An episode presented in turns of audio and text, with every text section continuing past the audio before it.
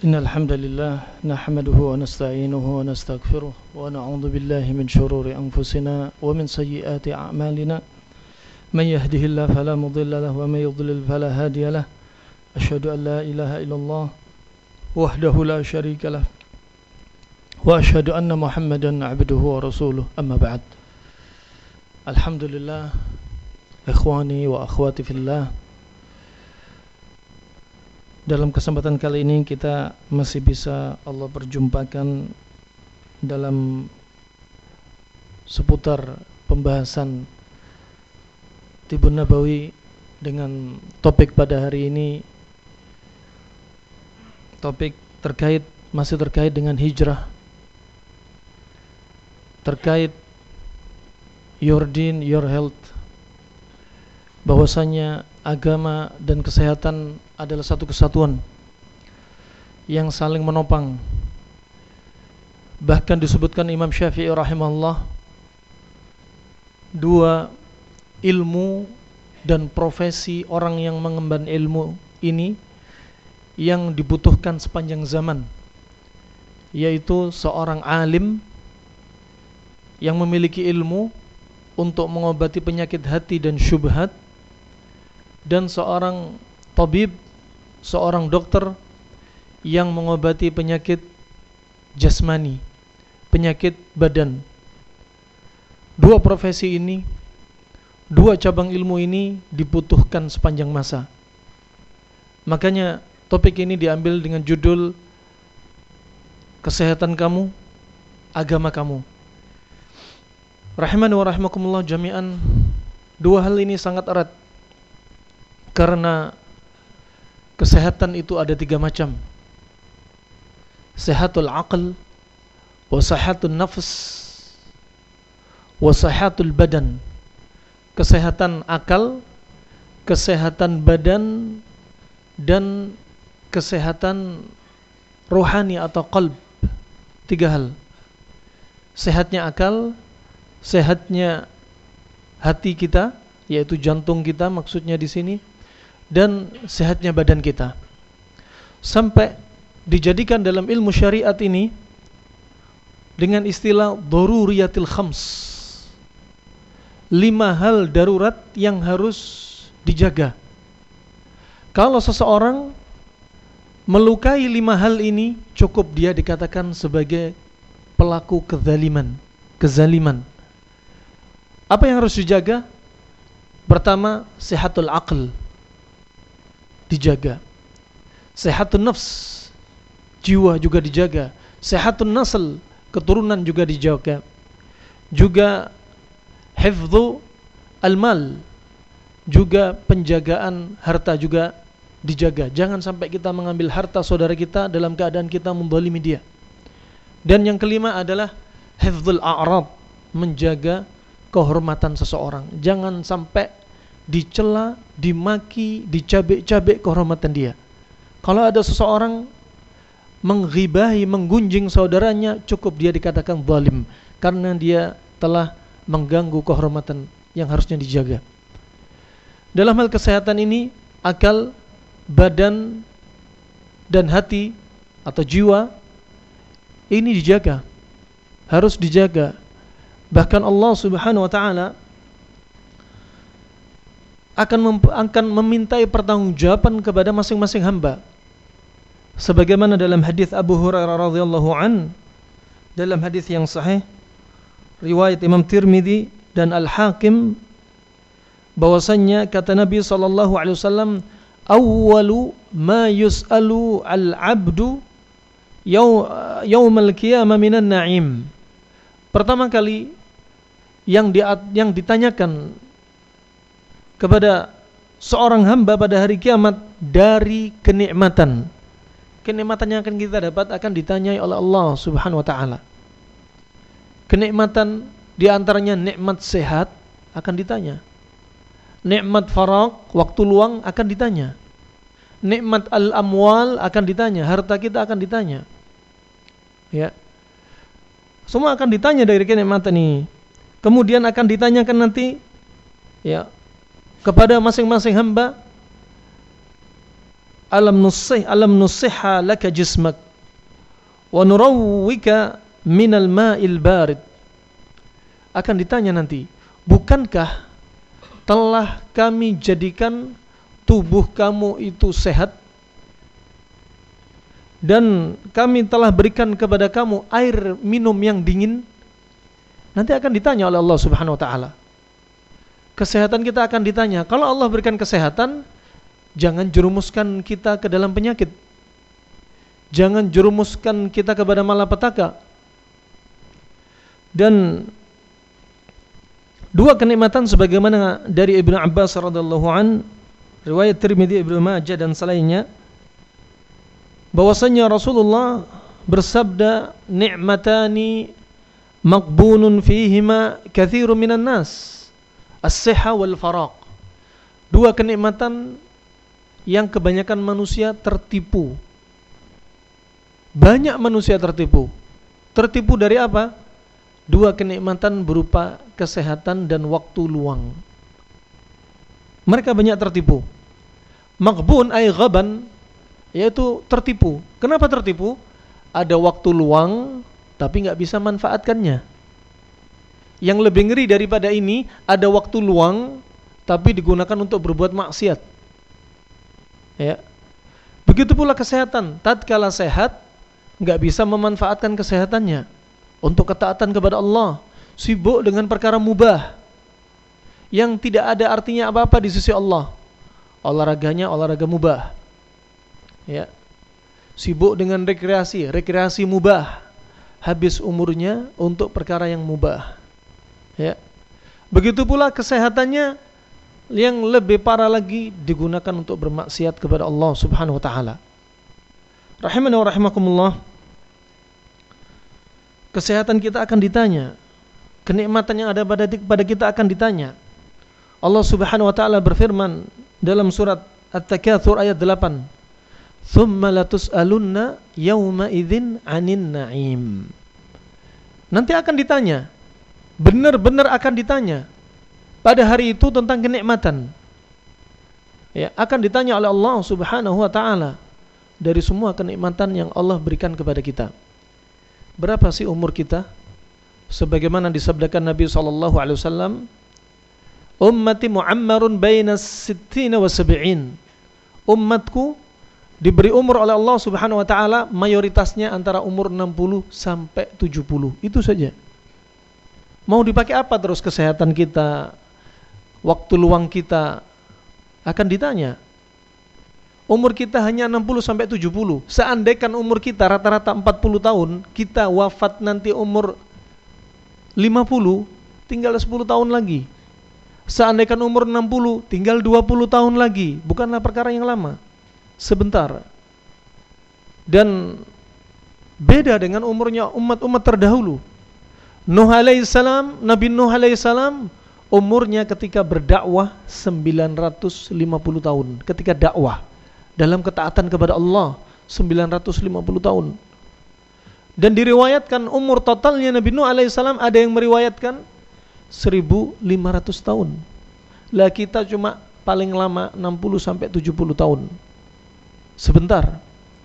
Nabi wasallam umurnya di muka bumi berapa umurnya? 63 tahun. Kemudian dipegang kekhilafahan oleh Umar bin oleh Abu Bakar As-Siddiq berapa tahun? Dua tahun. Berapa Abu Bakar meninggal umur berapa? Sama 63 tahun. Ya. Kemudian Umar bin Khattab memegang kekhilafan setelah Abu Bakar sekitar berapa? 12 tahun 6 bulan. Meninggal umur berapa? Sama 63 tahun. Tiga orang ini bersahabat di dunia dan kemudian di alam barzah Masya Allah nggak berjauhan. Sampai Umar bin Khattab berkata kepada Aisyah radhiyallahu anha setelah ditikam Abu Lu'lu al-Majusi ketika sedang sholat subuh ditikam dari belakang kena perutnya sampai merobek perutnya kemudian sebelum wafatnya minta izin kepada Aisyah ya Aisyah izinkan aku dikebumikan bersama dua sahabatku ya Rob di sini dalil di antaranya kalau meninggal cari kuburan orang soleh jangan cari kuburan pelaku maksiat Jangan cari kuburan orang-orang kafir. Cari kuburan orang-orang soleh. Dan sekarang umur mereka bertiga sekitar ya, berdekatan 1420 tahun lalu. Sangat nyesel kalau di dunia dia nggak bisa memanfaatkan waktunya, nggak bisa memanfaatkan kesehatannya. Wallah nyesel. Ya, jangan sampai seperti orang-orang kafir. Salah pilih teman akhirnya ikut-ikut kafir. Mereka sambil gigit jari. Di mereka di neraka mereka berkata Ya wailata laitani lam attakhid fulanan khalila Seandainya aku dulu nggak jadikan si fulan jadi teman dekatku Makanya kalau sudah hijrah Hentikan teman yang nggak bawa manfaat. Ya Kesehatan kita bisa rugi untuk apa masa depannya. Agama kita juga dirugikan.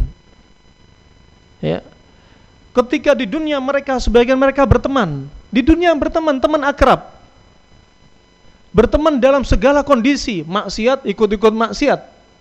Ya kemudian siapa? Atau bagaimana nasibnya mereka di yaumul qiyamah? Al-akhillau yawma idzin yawma idzin ba'dhum li ba'dhin adu illa al-muttaqin ba'dhum li ba'dhin li ba'dihim adu illa al-muttaqin pada hari itu ketika di dunia mereka ini teman akrab. Ketika di yaumul qiyamah mereka ini jadi musuh gara-gara kamu ini kamu menyesatkan saya. Ya. jadi musuh kecuali siapa? Illal muttaqin. Kecuali orang-orang yang bertakwa. Di dunia jadi teman akrab di akhirat saling memberi syafaat. Kalau ada temannya yang masuk neraka dicari. Temannya yang masuk neraka untuk kemudian minta diselamatkan. Nah untuk bisa memberikan syafaat kepada saudaranya. Nah demikian rahimani wa rahimakumullah. Fa umur kita sebagaimana dikatakan oleh Ibnu Rajab Al-Hambali dalam Jami' Al-Ulum wal Hikam dia mengatakan may yuhafid anfusahum fi sighar hafizahumullahu fil kibar. Barang siapa yang menjaga dirinya di masa kecil maka Allah akan jaga dia ketika masa tua jaga dirinya dari apa? kemaksiatan dijaga keimanan dia agar tidak terus merosot. Begitu pula kesehatan dia juga dijaga. Kalau makan pele-pele. Allah berfirman, "Falyanzuril insanu ila ta'amih." Hendaknya manusia ngelihat makanan yang dia makan. Kalau ada makanan saset-sasetan, jangan dikasihkan anak kita. Gara-gara makanan sasetan, sehari tiga bungkus sampai lima bungkus di blender, Anak umur lima tahun dalam waktu satu tahun ginjalnya harus dicuci. Lihat makanan. Barang siapa yang menjaga agama dan kesehatan dia ketika masa kecil Allah jaga nanti di masa tua. Kata Al-Hafidh Ibn Rajab didapati seorang ulama salaf umur 100 tahun melakukan satu perbuatan yang aneh yang dilakukan orang seumur dia Ketika itu dia loncat antara batu ke batu dengan loncatan yang sangat jauh dan tinggi. Biasanya orang umur sekian kalau loncat, apa yang terjadi? Otot-ototnya sakit. Bisa robek otot-ototnya. Bisa sendi-sendinya ya yang kering ini akan semakin parah. Tapi orang ini loncat. Apa kata dia? Kunna hafidna anfusana fi sigharina. Fa hafizallahu lana fi kibarina. Kami ketika kecil kami jaga kesehatan kami. Kami jaga diri kami. Kami jaga ketaatan kami kepada Allah. Dan ketika besar Allah juga jaga kami. Ya. Oleh karena itu barang siapa ya syakara fi sarra nadharallahu fi dharra Barang siapa ketika dalam keadaan riang gembira dia bersyukur kepada Allah, ingat kepada Allah Subhanahu wa taala, maka apa? Ketika sedang dalam keadaan susah, Allah ingat dia. Ketika riang gembira, kita ingat Allah. ketika susah Allah ingat kita. Demikian ketika kecil kita jaga ketaatan kita, ketika besar Allah jaga Allah Allah jaga diri kita dari hal-hal yang menyebabkan kita sakit atau dari hal-hal yang mengurangi keimanan. Subhanallah. Ini ucapan para ulama. Ketika masih kecil juga dijaga. Ya, makanannya juga demikian. Anak kecil umur 9 tahun sudah kena kanker nasofaring. Kanker dari hidung, tenggorokan, leher semua kena kanker ketika ditanya ibunya, "Bu, apakah anak ibu sering makan makanan snack?" Saya jualan snack. Di rumah saya jualan snack. Satu hari anak saya habis lima snack. Hitungan satu tahun kena kanker nasofaring. Ya subhanallah.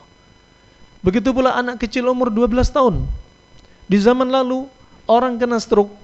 Siapa? Orang tua, orang kaya. Orang jarang olahraga. Sekarang anak kecilnya 12 tahun sudah kena stroke. Ternyata apa? Sering mengkonsumsi minuman-minuman kemasan, ya, teh-teh kemasan dalam satu hari 3 sampai 5 botol, hitungan satu tahun terjadi stroke. Ternyata kenapa? Kandungan aspartam, pemanis buatan, ternyata menyempitkan pembuluh darah dia di otak. Jaga waktu kecil, anak kita dijaga. Ya, sehingga Allah jaga nanti di masa tuanya. Nah, begitu pula lebih-lebih keimanan dijaga sehingga Allah jaga kita di masa tua.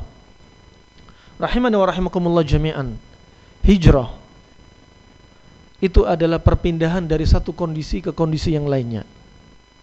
Kalau dari sisi tempat perpindahan atau hijrah dari negeri kafir ke negeri muslim. Jenis yang kedua, hijrah dari tempat yang fasad ke tempat yang aslah. Dari tempat yang rusak maksiatnya rusak syiriknya rusak pindah ke tempat yang lebih baik. Ini hijrah tempat. Adapun hijrah dilihat dari sisi lain terbagi menjadi tiga. Hijrah dari zat yaitu zatul maksiat.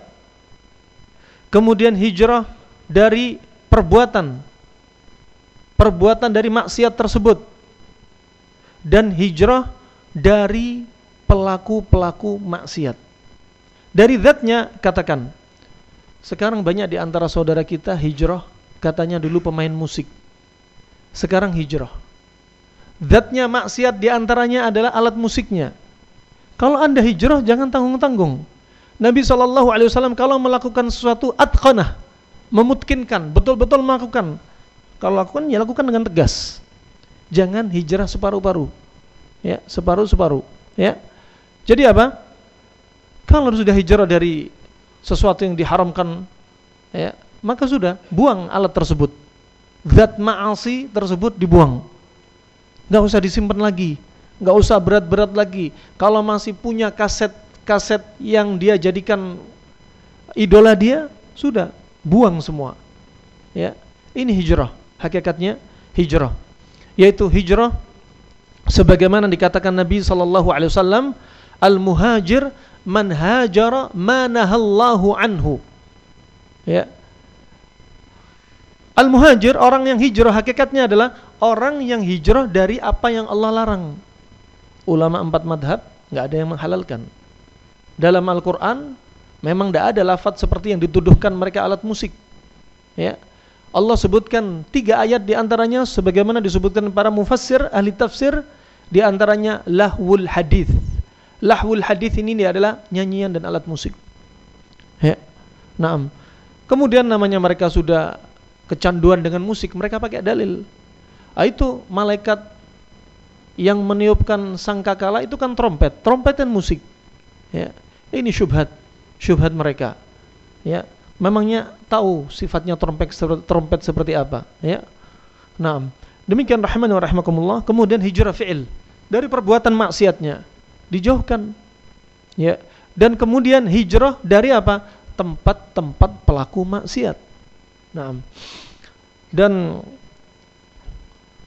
rata-rata yang bekerja di sini umurnya rata-rata di atas 30 tahun umurnya rata-rata di atas 30 tahun dan rata-rata umur 40 tahun ya yang mana pada umur-umur ini sudah jangan lagi bermudah-mudahan untuk berbuat maksiat. Ya. Sudah jangan berbuat mudah-mudah dari perbuatan maksiat sebagaimana firman Allah Subhanahu wa taala tatkala umur seperti ini sebenarnya kita diajarkan oleh Allah Subhanahu wa taala wa wasainal insana biwalidayhi ihsana حملته أمه كرها ووضعته كرها وحمله وفصاله ثلاثون شهرا baru disebutkan Allah hatta idza balagha hatta idza balagha ashuddahu wa balagha arba'ina sanatan ya sampai kalau sudah umur apa balagha ashuddah kata Ibnu Abbas kalau seseorang umurnya sudah sampai balagha asyudda yaitu umur 33 tahun. Kemudian ditambahi wa balagha arba'ina sanatan dan kalau sudah sampai umurnya 40 tahun di sini 33 tahun, 40 tahun yaitu usia hijriyah. Kalau Anda sekarang ada yang bilang 40 tahun berarti Anda sebenarnya umur 41. Kalau ada yang 39 tahun sebenarnya Anda sekarang 40 tahun. Ketika umur-umur seperti ini, coba kita perhatikan firman Allah Subhanahu wa taala dalam surat Al-Ahqaf. Ya. Nyesel kalau ada orang belum hafal doa ini. Apalagi sudah umur 50, doa ini enggak dihafal, enggak pernah dibaca. Padahal sudah diajarkan. Rabbi auzi'ni an ashkura ni'mataka allati an'amta ala walidayya wa an a'mala salihan tardah wa aslih li fi dhurriyyati. Inni tubtu ilaika wa inni minal muslimin.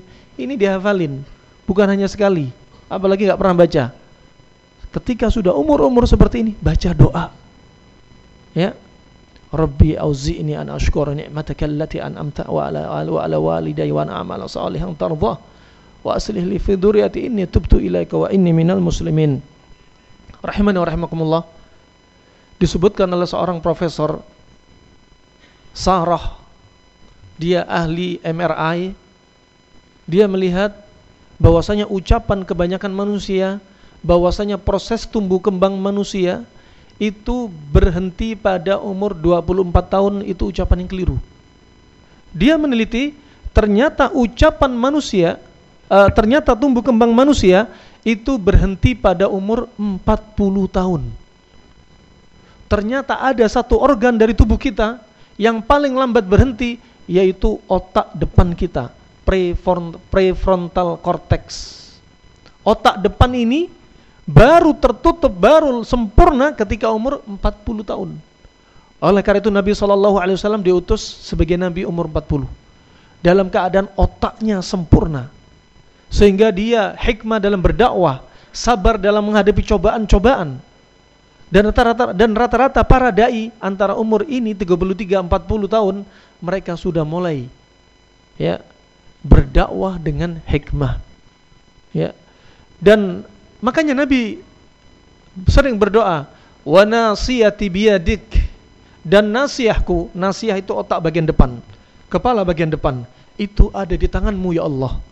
Makanya hati-hati, kalau sudah umur 33, umur 40 tahun, mata dijaga lisan dijaga, telinga dijaga, tangan dijaga. Yang tadinya bermudah-mudahan berbuat maksiat, sekarang hati-hati.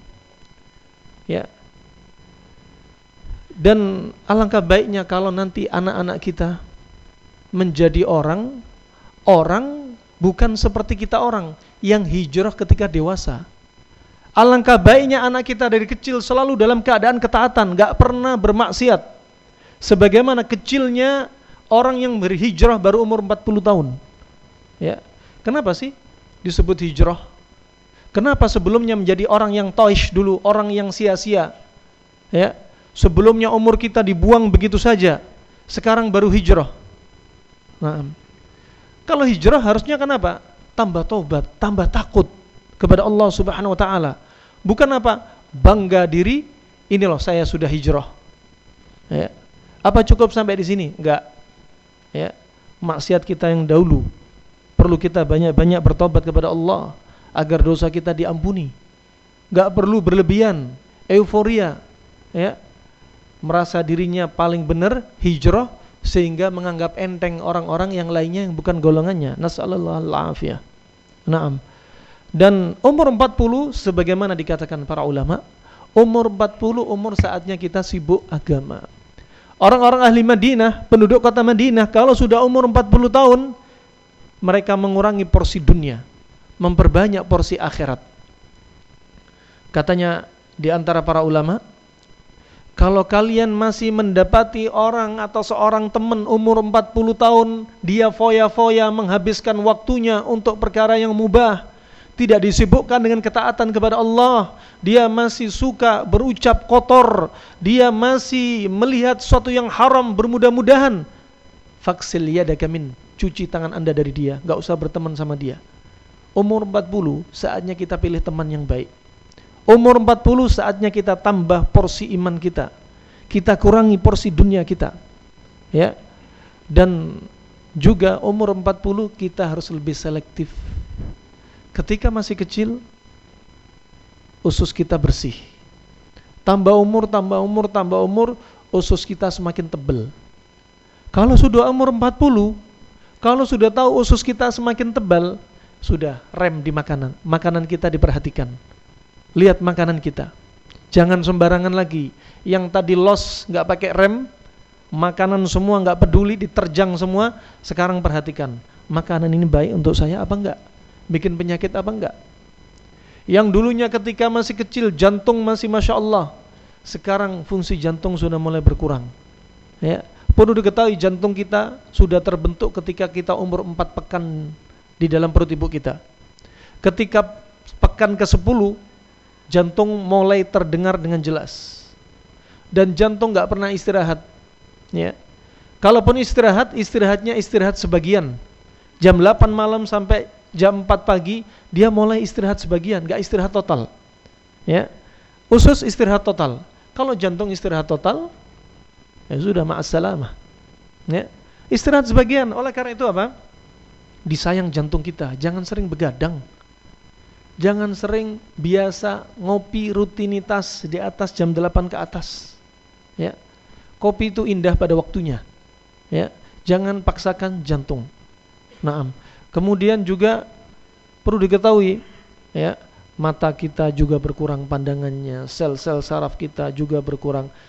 Maka perlu dijaga di antara apa? Jaga agama juga jaga kesehatan. Itu penting. Ya jaga kesehatan, jaga agama, apalagi sudah umur 40 tahun. Nabi sudah bersabda, "Idza salahat hadhil mudghah, salahat jasadu kulluh. Wa idza fasadat hadhil mudghah, fasadat jasadu kulluh, fasada jasadu kulluh." Ya. Jikalau gumpalan ini yaitu jantung, jika jantung ini baik, maka semua badan ikut baik. Badan sehat, iman juga sehat. Tapi kalau jantung ini rusak, rusak apa? Rusak iman juga rusak karena penyakit. Maka semua badan juga ikut rusak. Ya. Ini wasiat dari Nabi saw. selanjutnya insyaallah dipersilahkan tanya jawab barangkali ada pertanyaan. Tafadhal barakallahu fikum. Alhamdulillah. Uh, jazakallahu khairan kasiran pada Ustadz karena masih ada waktu uh, pada para jam mungkin ada yang mau menanyakan sesuatu Ada yang mau nanya?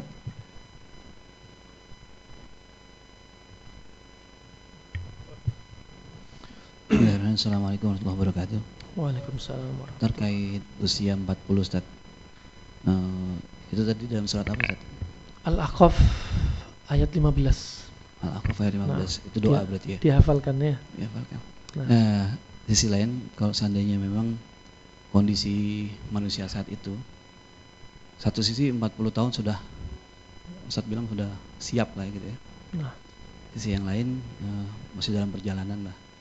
Nah kira-kira di usia 40 tahun itu memang apa namanya faktor keduniaan memang turun relatif turun gobeknya ke akhirat gitu atau memang harus dipaksa untuk fokus ke akhirat gitu.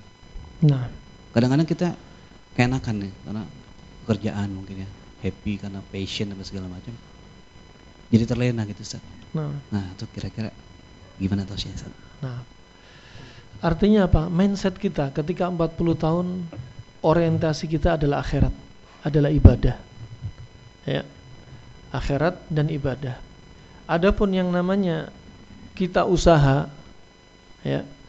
Terkadang ada usaha yang kita sudah berusaha semaksimal mungkin tapi kita jauh dari ketaatan kepada Allah. Dia pikir usaha dunia dia dengan melalaikan ketaatan kepada Allah, dia pikir rezeki akan bertambah. Sebaliknya, ada orang yang santai, cari dunia santai, tapi dia taat kepada Allah, rezeki akan ditambah. Ya, rezeki akan ditambah. Sebaliknya ada orang yang masya Allah menggebu-gebu urusan dunia, sehingga mengorbankan ketaatan kepada Allah Subhanahu Wa Taala. Di antaranya apa? Alamat ketidakberkahan apa? Dunia banyak, sudah terkumpul, sesuai dengan target dia. Apa? Ujung-ujungnya ternyata dia sakit ya. Harus cuci ginjal ya. Harus uh, terapi harus pasang ring jantung misalnya. Ini menunjukkan apa? Ketidakberkahan di antaranya. Kenapa? Bisa jadi malul haram. Uang yang haram masuk ke dalam diri dia dan menjadi penyakit bagi dia ya menjadi penyakit ya kebiasaan para ulama demikian ulama atau penduduk ahlul Madinah kalau sudah umur 40 tahun mengurangi porsi dunia. Mengurangi porsi dunia. Begitu pula wasiat kepada kaum wanita. Kaum wanita sebagian mengira uh, mereka ingin membantu kerja suaminya. Ya. Ingin menambah rezeki suaminya. Ya. Sebenarnya rizki Allah sudah diatur melalui kepala keluarga untuk si istri juga sudah diatur. Ya, sudah diatur. Enggak usah takut. Kembali kepada apa? Tawakal kepada Allah Subhanahu wa taala. Tawakal kepada Allah Subhanahu wa taala. Ketika umur 40 tahun ya, yang tadinya kita takutnya kepada maksiat kurang, sekarang ditambah. Yang tadinya bermudah-mudahan melakukan maksiat, sekarang kekuatan pandangan mata untuk ditundukkan ditambah.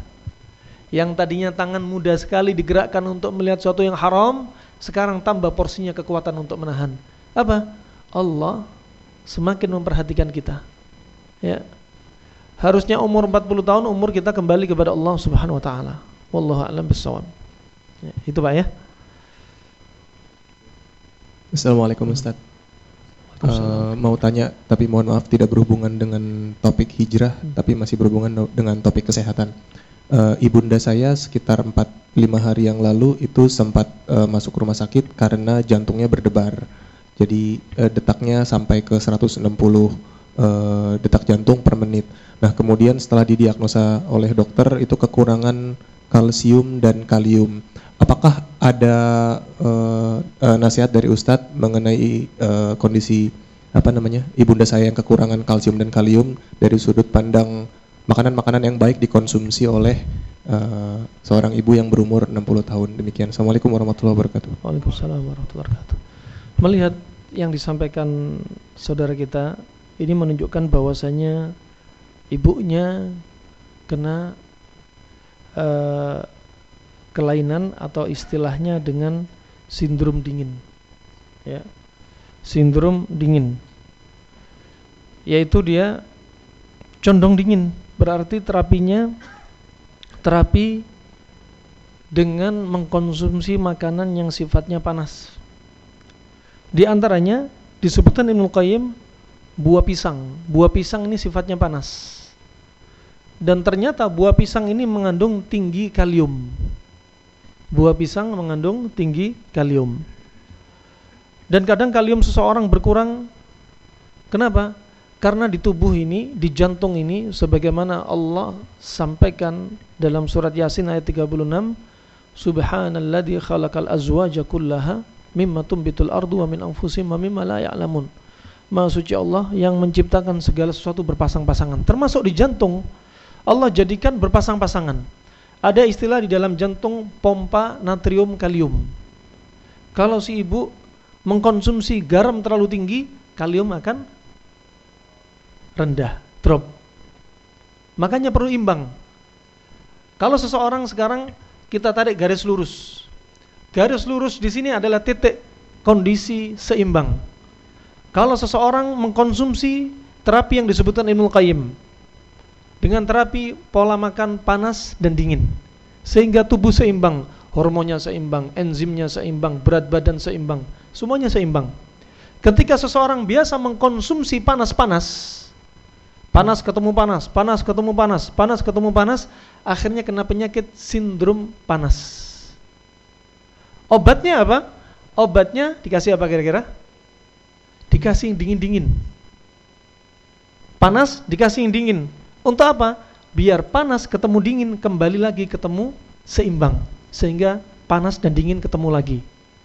Sebaliknya kalau kebiasaan orang mengkonsumsi sesuatu yang dingin-dingin, ya, mengkonsumsi sesuatu yang dingin-dingin, dia akan kena penyakit sindrom dingin. Seperti apa? Tensi rendah, anemia, seperti uh, uh, apa? Asma, uh, influenza, rematik, impoten. Kenapa? Kebanyakan dingin-dingin. Sehingga terapinya apa? Obat atau makanan atau buah-buahan yang rasanya atau sifatnya panas. Kalau sudah pan dingin ketemu panas, kembali ke titik seimbang sehingga kembali panas dingin. Berarti terapinya apa? Kurangi garam dan terapi makanan yang panas. Di antaranya buah yang sangat bagus adalah buah pisang. Ya. Terkadang kalium seseorang hilang karena apa? Konsumsi salah satu obat TBC. Konsumsi obat darah tinggi sehingga kaliumnya hilang. Sehingga apa? Ketika kalium hilang perlu pengganti. Penggantinya apa? Tadi di antaranya uh, buah yang sifatnya panas juga sekaligus mengandung tinggi kalium yaitu buah pisang. Nah, unsur kalsium di pisang juga mengandung kalsium. Pisang juga mengandung kalsium. Kemudian untuk kalsiumnya bisa juga mengkonsumsi tulang rawan ikan hiu. Ya. Kemudian bisa mengkonsumsi uh, tripang ya, si cucumber. Biasanya ada produk tripang sama tulang rawan ikan hiu, shark cartilage sama si cucumber jadi satu. Ya, ini bagus sekali untuk kasus uh, kalsium yang kurang bahkan kasus osteoporosis pada yang mayoritas terjadi pada ibu-ibu karena kalsiumnya diambil oleh si janin. Ya, itu ya. Nah, terus di antara sebab yang menghilangkan kalsium, mengikat kalsium di antaranya minuman bersoda. Sangat bahaya, bikin tulang kropos. Makanya kalau minum minuman bersoda langsung gosok gigi, giginya cepat kropos. Antara fluoride dan kandungan air yang bersoda sangat membahayakan tulang. Ya, gigi rontok, belum lagi tulang-tulang yang nggak nampak di mata kita. Wallahu a'lam bishawab. Cukup insyaallah. Ya. Uh, karena waktu telah menunjukkan pukul satu siang, uh, kita cukupkan kajian hari ini. Kita tutup dengan doa kafaratul majelis. Subhanakallahumma wa bihamdika asyhadu alla ilaha illa anta astaghfiruka wa atubu. Wassalamualaikum warahmatullahi wabarakatuh. Waalaikumsalam.